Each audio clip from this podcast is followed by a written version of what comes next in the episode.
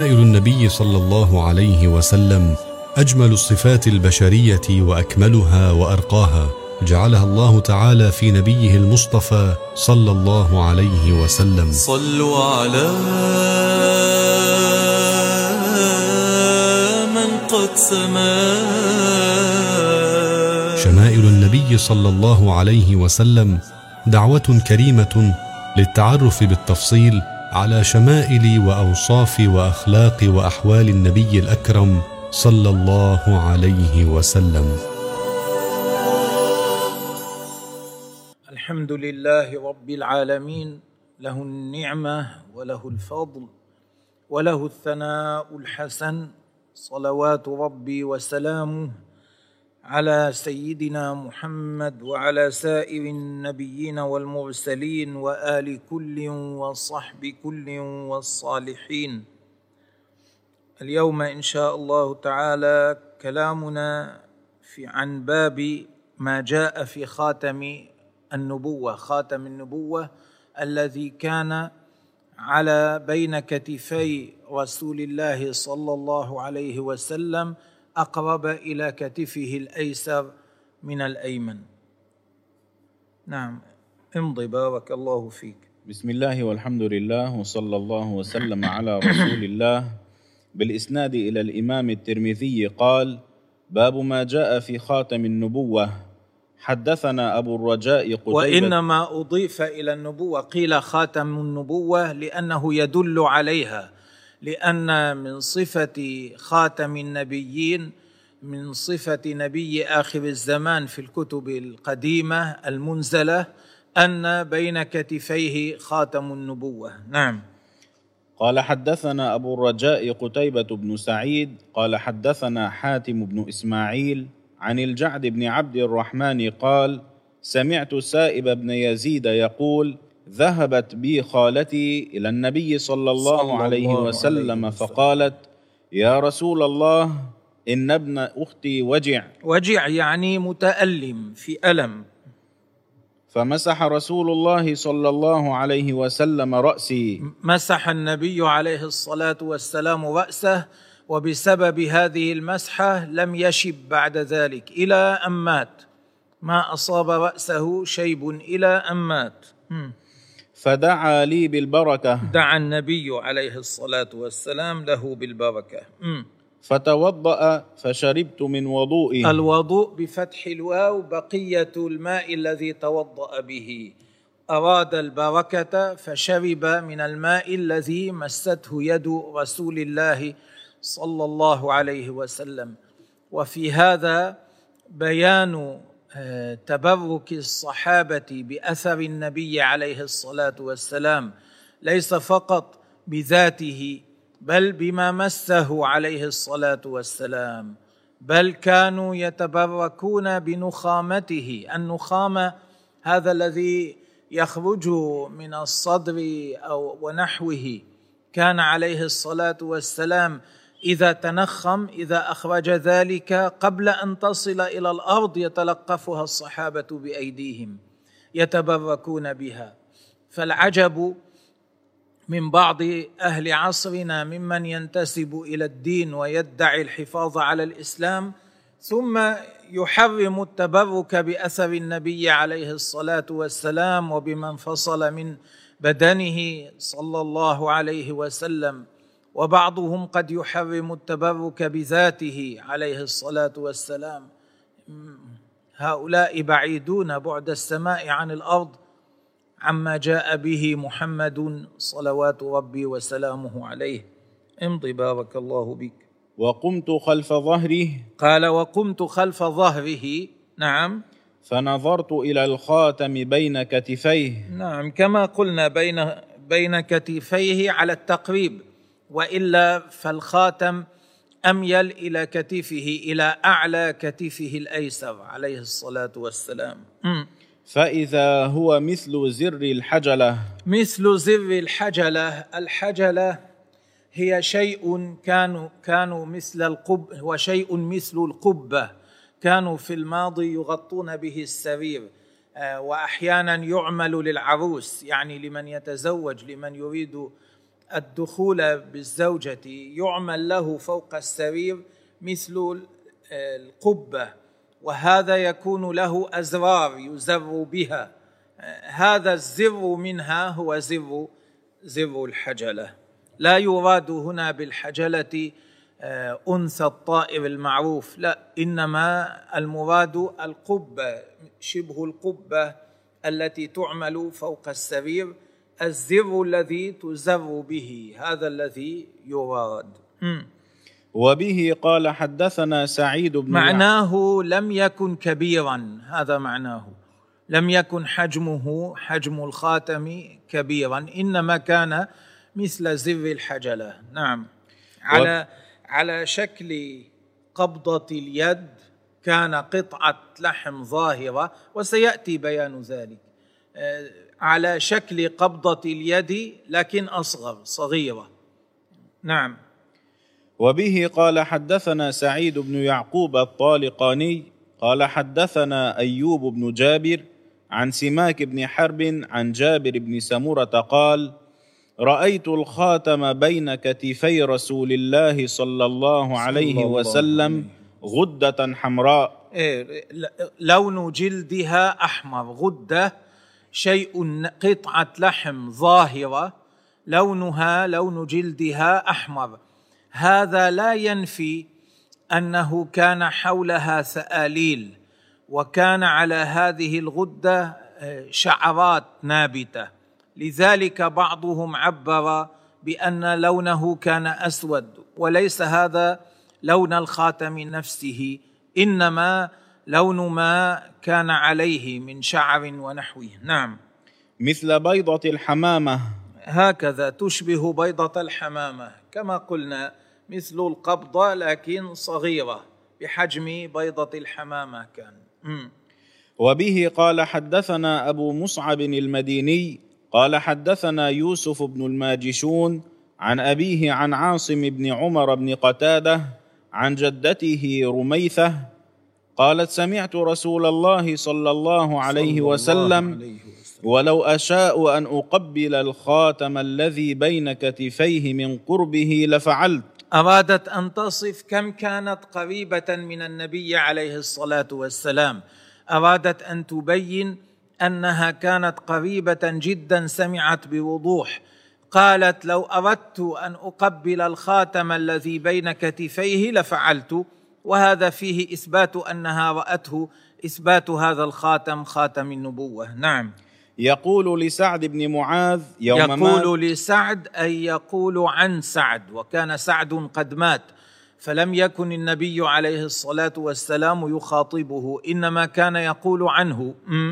يقول لسعد بن معاذ يوم مات اهتز له عرش الرحمن. أي تحرك العرش سرورا واستبشارا.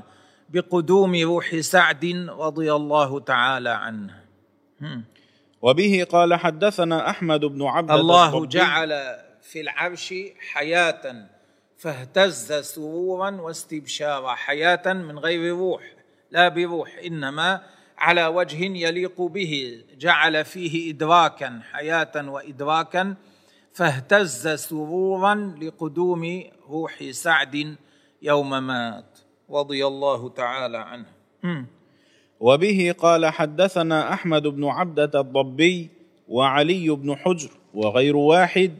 قالوا حدثنا عيسى بن يونس عن عمر بن عبد الله مولى غفرة قال حدثني إبراهيم بن محمد من ولد علي بن أبي طالب. ولد وولد بالمعنى بمعنى واحد أي من ذريته. وهذا سبق أن ذكرناه قلنا هو من ذريه محمد بن علي بن أبي طالب المعروف بمحمد بن الحنفية. نعم. من ولد علي بن أبي طالب قال كان علي إذا وصف رسول الله صلى الله عليه وسلم فذكر الحديث بطوله. وكان تقدم ذكر قطعة من هذا الحديث. نعم. وقال بين كتفيه خاتم النبوة وهو خاتم النبيين. صلى الله عليه وسلم. أي آخر نبي يبعث. وبه قال حدثنا محمد بن بشار قال حدثنا أبو عاصم قال حدثنا عزرة بن ثابت قال حدثني علباء بن أحمر قال حدثني أبو زيد عمرو بن أخطب الأنصاري قال قال لي رسول الله صلى الله عليه وسلم صلى الله عليه يا أبا زيد ندن مني. فامسح ظهري فمسحت نعم يعني ظهره.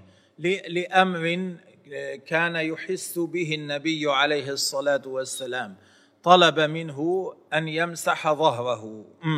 فمسحت ظهره فوقعت أصابعي على الخاتم. قلت وما الخاتم؟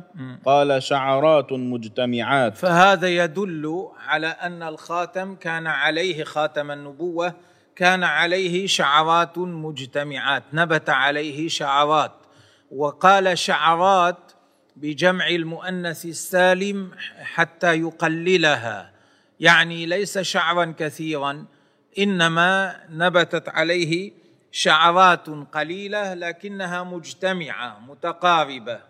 وبه قال حدثنا أبو عمار الحسين بن حريث الخزاعي قال حدثنا علي بن حسين بن واقد قال حدثني أبي قال حدثني عبد الله بن بريدة قال سمعت أبي بريدة يقول جاء سلمان الفارسي إلى رسول الله صلى الله عليه وسلم حين قدم المدينة بمائدة عليها رطب. المائدة شيء يكون عليه طعام. ما كان يوضع الطعام عليه. إذا كان الطعام عليه يسمى مائدة. مع وجود الطعام عليه يسمى مائدة. نعم الخوا- الخوان ونحوه. إذا كان عليه طعام يسمى مائدة. سلمان الفارسي كان من أهل فارس. ترك قومه طلبا للدين الحق. لزم بعض الرهبان ثم انتقل من واحد إلى واحد بعد موته وأخبره آخر راهب صحبه أن نبي آخر الزمان يكون مهاجره يهاجر إلى مدينة إلى بلد واقع بين حرتين يعني الحره الحجارة السود المجتمعة والمدينة المنورة واقعة بين حرتين فيها حره شرقية وحره غربية. يعني من ناحية منها يوجد حجاره سود كثيرة ومن الناحية الأخرى أيضا. وقال له فيها نخل ذات نخل. ثم إن سلمان أسره بعض العرب استعبده. فنقلوه رحلوا به إلى المدينة وصل إلى المدينة. لما رأى المدينة عرف أنه ينطبق عليها صفة البلد الذي أخبره عنه ذلك الراهب فمكث في المدينة منتظرا هجرة النبي عليه الصلاة والسلام أن يهاجر نبي آخر الزمان إليها وهو يعرف بعض العلامات التي كان أخبر بها. لما هاجر النبي عليه الصلاة والسلام أراد سلمان رضي الله عنه أن يختبر هل هذه العلامات موجودة فيه أو لا. من جملة العلامات أنه قيل له لا يأكل الصدقة ويأكل الهدية. إذا تصدق عليه بصدقة لا يأكلها. إذا أهدي هدية يقبلها. أراد سلمان أن يختبر ذلك فجاء بمائدة عليها رطب ولا ينفي أن يكون عليها غير ذلك ووضعها أمام النبي عليه الصلاة والسلام هذه المائدة. نعم. فوضعها بين يدي رسول الله صلى الله عليه وسلم فقال يا سلمان ما هذا؟ قال صدقة عليك وعلى أصحابك. إيه، قال هذه صدقة لكم مم، لك ولأصحابك مم. فقال ارفعها. ارفعها عني. أنا لا آكل الصدقة. فإنا لا نأكل الصدقة. قال فرفعها فجاء الغد بمثله.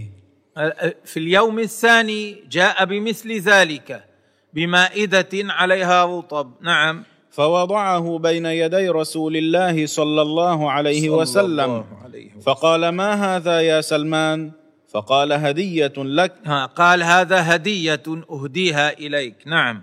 فقال رسول الله صلى الله عليه وسلم لأصحابه ابسطوا. ابسطوا يعني ابسطوا أيديكم مدوا أيديكم فكلوا أي وأكل هو عليه الصلاة والسلام أيضا منها. ثم نظر إلى الخاتم على ظهر رسول الله صلى الله عليه وسلم. وكان هذا أيضا من العلامات التي يعرفها التي يعرفها سلمان أنه على ظهره عليه الصلاة والسلام خاتم النبوة. نظر فرأى هذا الخاتم موجودا. فآمن به. فاكتملت العلامات التي كان يعرفها عن رسول الله عليه الصلاة والسلام. نعم. فآمن به وكان لليهود. كان لليهود يعني كان الذي يملكه يهوديا. الذي يملك سلمان كان رجلا يهوديا. فاشتراه رسول الله صلى الله عليه وسلم بكذا وكذا درهما. اشتراه هنا معناه دله النبي عليه الصلاة والسلام على ما يصير به حرا وأعانه. ليس معناه أنه هو دفع المال فاشتراه لا إنما معناه بسببه صار سلمان حرا. هو قال له اشتري نفسك من سيدك. نعم.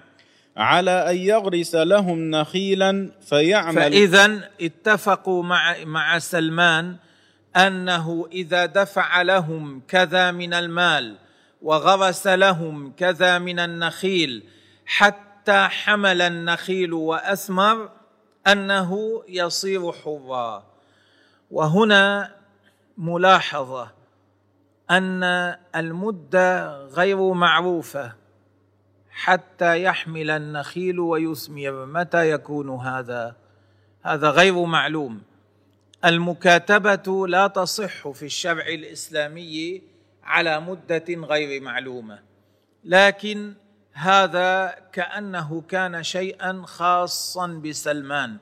كان لسلمان في الشرع حال خاصة أبيح له فيها هذا الأمر. كما أبيح لبعض الصحابة في بعض المرات أن يذبحوا عنزا كانت لم تبلغ الحد الذي يجزئ في الأضحية لكن أجزأت عنه في تلك المرة. كما أبيح لعائشة أمر كما أبيح للصحابة أمر في الحج. ثم كان محرما على من بعدهم. أحيانا الله تبارك وتعالى يأذن بأمر يخص به إنسان يكون الحكم خاصا بهذا الإنسان في ذلك الوقت. فكأن هذا كان ما حصل مع سلمان حتى يصير حرا خصه الله بصحة مكاتبته مع أن المدة لم تكن معلومة. نعم. فيعمل سلمان فيه حتى يطعم. حتى يخرج الثمر. فغرس رسول الله صلى الله عليه وسلم النخل. أعانه النبي عليه الصلاة والسلام فغرس له النخل بيده. إلا نخلة واحدة غرسها عمر. ذكر هذه النخلة الواحدة التي غرسها عمر ليس موجودا إلا في هذه الرواية. أما باقي روايات الحديث ما فيها ذكر هذه النخلة.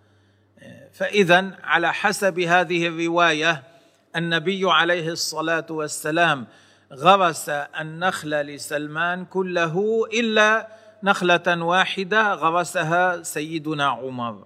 وهذا البستان الذي غرس نخله رسول الله نخله رسول الله صلى الله عليه وسلم ما زال بين أهل المدينة معروفا. يقال هذا البستان الذي غرس نخله رسول الله صلى الله عليه وسلم. بستان سلمان الفارسي. نعم. فحملت النخيل من عامها ولم تحمل عادة النخيل إذا غرست لا تبلغ أوان الحمل في عام واحد. لكن هذا كان معجزة لرسول الله صلى الله عليه وسلم. أليس قالوا لسلمان إذا أثمرت النخل تصير حرا؟ فحملت النخل في العام نفسه في عام في ذلك العام. نعم. فحملت النخيل من عامها ولم تحمل نخله إلا واحدة إلا نخلة واحدة. فقال رسول الله صلى الله عليه وسلم ما شأن هذه؟ تعجب لماذا لم تحمل هذه كباقي النخل؟ فقال عمر يا رسول الله أنا غرستها. عمر قال أنا غرستها هذه ليست من غرسك يا رسول الله. فنزعها رسول الله صلى الله عليه وسلم فغرسها. أخرجها من الأرض ثم غرسها أعاد غرسها غرسها هو عليه الصلاة والسلام. فحملت من عامه. اي وصار سلمان حرا بذلك. وبه قال حدثنا ال- المقصود من هذا الحديث ذكر الخاتم الذي بين كتفي رسول الله صلى الله عليه وسلم ذكر خاتم النبوة مم. وبه قال حدثنا محمد بن بشار قال حدثنا بشر بن الوضاح قال حدثنا أبو عقيل الدورقي عن أبي نضرة قال سألت أبا سعيد الخدري عن خاتم رسول الله صلى الله صلى عليه الله وسلم عليه وسلم. يعني خاتم النبوة. معناه قلت له صفه لي يا أبا سعيد. مم. فقال كان في ظهره بض- بضعة ناشزة. البضعة قطعة اللحم ناشزة أي ظاهرة. كان في ظهره بضعة وقد تكسر يقال بضعة وبضعة. بضعة ناشزة قطعة لحم ظاهرة. أليس قلنا مثل بيضة الحمامة؟ مم، نعم. وبه قال حدثنا أبو الأشعث أحمد بن المقدام العجلي البصري قال حدثنا حماد بن زيد عن عاصم الأحول عن عبد الله بن سرجس رضي الله عنه. نعم. قال أتيت رسول الله صلى الله عليه وسلم وهو في أناس من أصحابه فدرت هكذا من خلفه. دار من خلفه أحب أن يرى الخاتم الذي بين كتفيه. جاء من خلفه قال لعلي أتمكن من رؤية الخاتم. فعرف الذي أريد. النبي عليه الصلاة والسلام كان يضع رداء. عرف ما يريد هذا الصحابي فأرخى ألقى رداءه أنزل رداءه عن كتفيه. نعم. فألقى الرداء عن ظهره. مم. فرأيت موضع الخاتم على كتفيه مثل الجمع. مجمع اليد الجمع مجمع اليد. قبضة إذا جمعت أصابع يدك.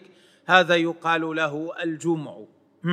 حولها خيلان. لكن أصغر تشبه شكلها يشبه شكلها لكن أصغر. نعم. حولها خيلان. نعم حولها خيلان يعني مثل الثآليل جمع خال مثل الشامة. مم. كأنها الثآليل نعم. فرجعت حتى استقبلته فقلت غفر الله لك يا رسول الله. فقال ولك. فقال القوم أستغفر لك رسول الله صلى الله إيه. عليه وسلم؟ فتعجبوا فرحوا له قالوا له النبي عليه الصلاة والسلام استغفر لك نلت هذا الأمر؟ نعم. فقال نعم ولكم. قال نعم استغفر لي لكنه أيضا استغفر لكم أنتم.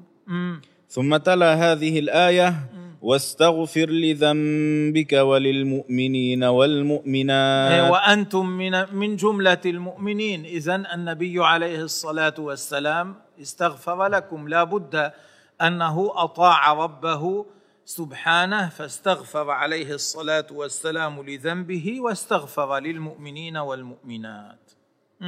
باب ما جاء في شعر رسول الله صلى الله عليه وسلم. الآن ننتقل للكلام عن صفة شعر رسول الله صلى الله عليه وسلم. وبه قال حدثنا علي بن حجر قال أخبرنا إسماعيل بن إبراهيم عن حميد عن أنس بن مالك رضي الله عنه قال كان شعر رسول الله صلى الله عليه وسلم إلى نصف أذنيه. وهذا محمول على اختلاف أحواله عليه الصلاة والسلام. كيف إلى نصف أذنيه؟ وقد جاء في روايات أخرى أنه كان نازلا عن شحمة الأذن أغلبه نازل عن شحمة الأذن وبعضه يصل إلى الكتف. هذا محمول على اختلاف أحواله. ما معناه؟ أليس النبي عليه الصلاة والسلام كان اعتمر ذهب ليعتمر؟ بعد في العمرة حلق شعر رأسه. بعض الصحابة رآه بعد أن كان طال شعره قبل أن يصل إلى كتفيه فقال إلى منتصف أذنيه. وصفه على حسب ما رأى هو. في بعض أحواله عليه الصلاة والسلام. نعم. وبه قال حدثنا لكن رسول الله صلى الله عليه وسلم ما أزال شعره إلا لنسك إلا لحج أو عمرة. نعم. وبه قال حدثنا هناد بن السري قال أخبرنا عبد الرحمن بن أبي الزناد عن هشام بن عروة عن أبيه عن عائشة رضي الله عنها قالت كنت أغتسل أنا ورسول الله صلى الله عليه وسلم من إناء واحد وكان له شعر فوق الجمة ودون فوق. الجمة لا يصل إلى الجمة يعني لا يصل إلى أن يكون جمة أي لا ينال كتفيه. هذا أغلب شعره كما قلنا وإن كان بعضه ينال كتفيه. نعم. فوق الجمة ودون الوفرة. لكنه نازل عن شحمة الأذن وهكذا كان أغلب شعر رسول الله صلى الله عليه وسلم. نعم. وبه قال حدثنا أحمد بن منيع قال حدثنا أبو قطن قال حدثنا شعبة عن أبي إسحاق عن البراء بن عازب رضي الله عنه قال كان رسول الله صلى الله وهنا وهنا آم، اريد الإشارة إلى أمر أن رسول الله عليه الصلاة والسلام ما اغتسل إلا مؤتزرا. كان إذا أراد أن يغتسل ائتزر كان يضع الإزار. وكذلك ما دخل الخلاء لقضاء الحاجة إلا مؤتزرا. عليه صلاه ربي وسلامه نعم امضي. قال كان رسول الله صلى الله عليه وسلم مربوعا بعيد ما بين المنكبين. هذا فسرناه قبل. نعم. وكانت جمته تضرب شحمة أذنيه. أغلب شعره إلى شحمة أذنيه. لكن كان له جمة والجمة قلنا ما ينال الكتفين من الشعر. مم. وبه قال حدثنا محمد بن بشار قال حدثنا وهب بن جرير بن حازم قال حدثني أبي عن قتادة رضي الله عنه قال قلت لأنس كيف كان شعر رسول الله صلى الله عليه صلى وسلم؟ الله قال لم يكن بالجعد ولا بالسبط. كان يبلغ شعره شحمة أذنيه. هكذا وسبق أن شرحنا هذا. نعم. وبه قال حدثنا محمد بن يحيى بن أبي عمر المكي. قال حدثنا سفيان بن عيينة. عن ابن أبي نجيح عن مجاهد عن أم هانئ بنت أبي طالب رضي الله عنها. أم هانئ يعني أخت سيدنا علي بنت عم رسول الله صلى الله عليه وسلم. نعم. قالت قدم رسول الله صلى الله عليه صلى الله وسلم. علينا مكة قدمة. نعم. و- مرة قدم مكة. نعم. وله أربع غدائر. يعني كان شعره افترق أربع فرق صار أربع فرق. بسبب طول السفر افترق شعر رسول الله صلى الله عليه وسلم إلى أربع فرق. هذا معنى كان له أربع غدائر. نعم. وسيأتي في الحديث ما يبين الأمر زيادة بيان. نعم. وبه قال حدثنا سويد بن نصر قال حدثنا عبد الله بن المبارك عن معمر عن ثابت عن أنس رضي الله عنه أن شعر رسول الله صلى الله عليه وسلم الله عليه كان إلى أنصاف أذنيه. هذا شرحناه يعني في بعض الأحوال. نعم. وبه قال حدثنا سويد بن نصر قال حدثنا عبد الله بن المبارك عن يونس بن يزيد عن الزهري قال حدثنا عبيد الله بن عبد الله بن عتبة عن ابن عباس رضي الله عنه أن رسول الله صلى الله عليه وسلم كان يسدل شعره. كان يسدل شعره أي لا يفرقه لا يجعل له فرقا نعم. وكان كان- وكان المشركون يفرقون رؤوسهم. إيه. وكان أهل الكتاب يسدلون رؤوسهم. وكان يحب موافقة أهل الكتاب فيما لم يؤمر فيه بشيء. في أول الهجرة كان النبي عليه الصلاة والسلام يريد تألف أهل الكتاب.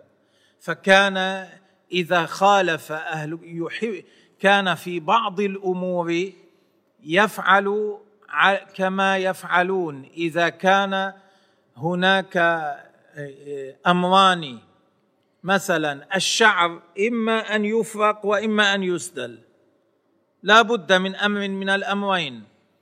وكانت عادة المشركين عبده الأوثان كانت عادتهم أن يفرقوا. وكانت عادة أهل الكتاب الا يفرقوا. وهؤلاء هؤلاء كافرون وهؤلاء كافرون. فالنبي عليه الصلاة والسلام في أول الهجرة كان يميل إلى موافقة أهل الكتاب تألفا لهم فكان لا يفرق شعر رأسه إلى أن أمره الله بأن يفرق. فلما أمر بأن يفرق فرق عليه الصلاة والسلام شعره من الوسط. ثم فرق رسول الله صلى الله عليه وسلم رأسه. نعم. وبه قال حدثنا محمد بن بشار قال حدثنا عبد الرحمن بن مهدي عن إبراهيم بن نافع المكي عن ابن أبي نجيح عن مجاهد عن, عن أم هانئ قالت رأيت رسول الله صلى الله عليه صلى وسلم الله ذا ضفائر أربع. آه ذا ضفائر أربع. هنا في هذا الحديث في هذه الرواية زيادة بيان. الرواية الأولى أربع غدائر يعني أربع فرق.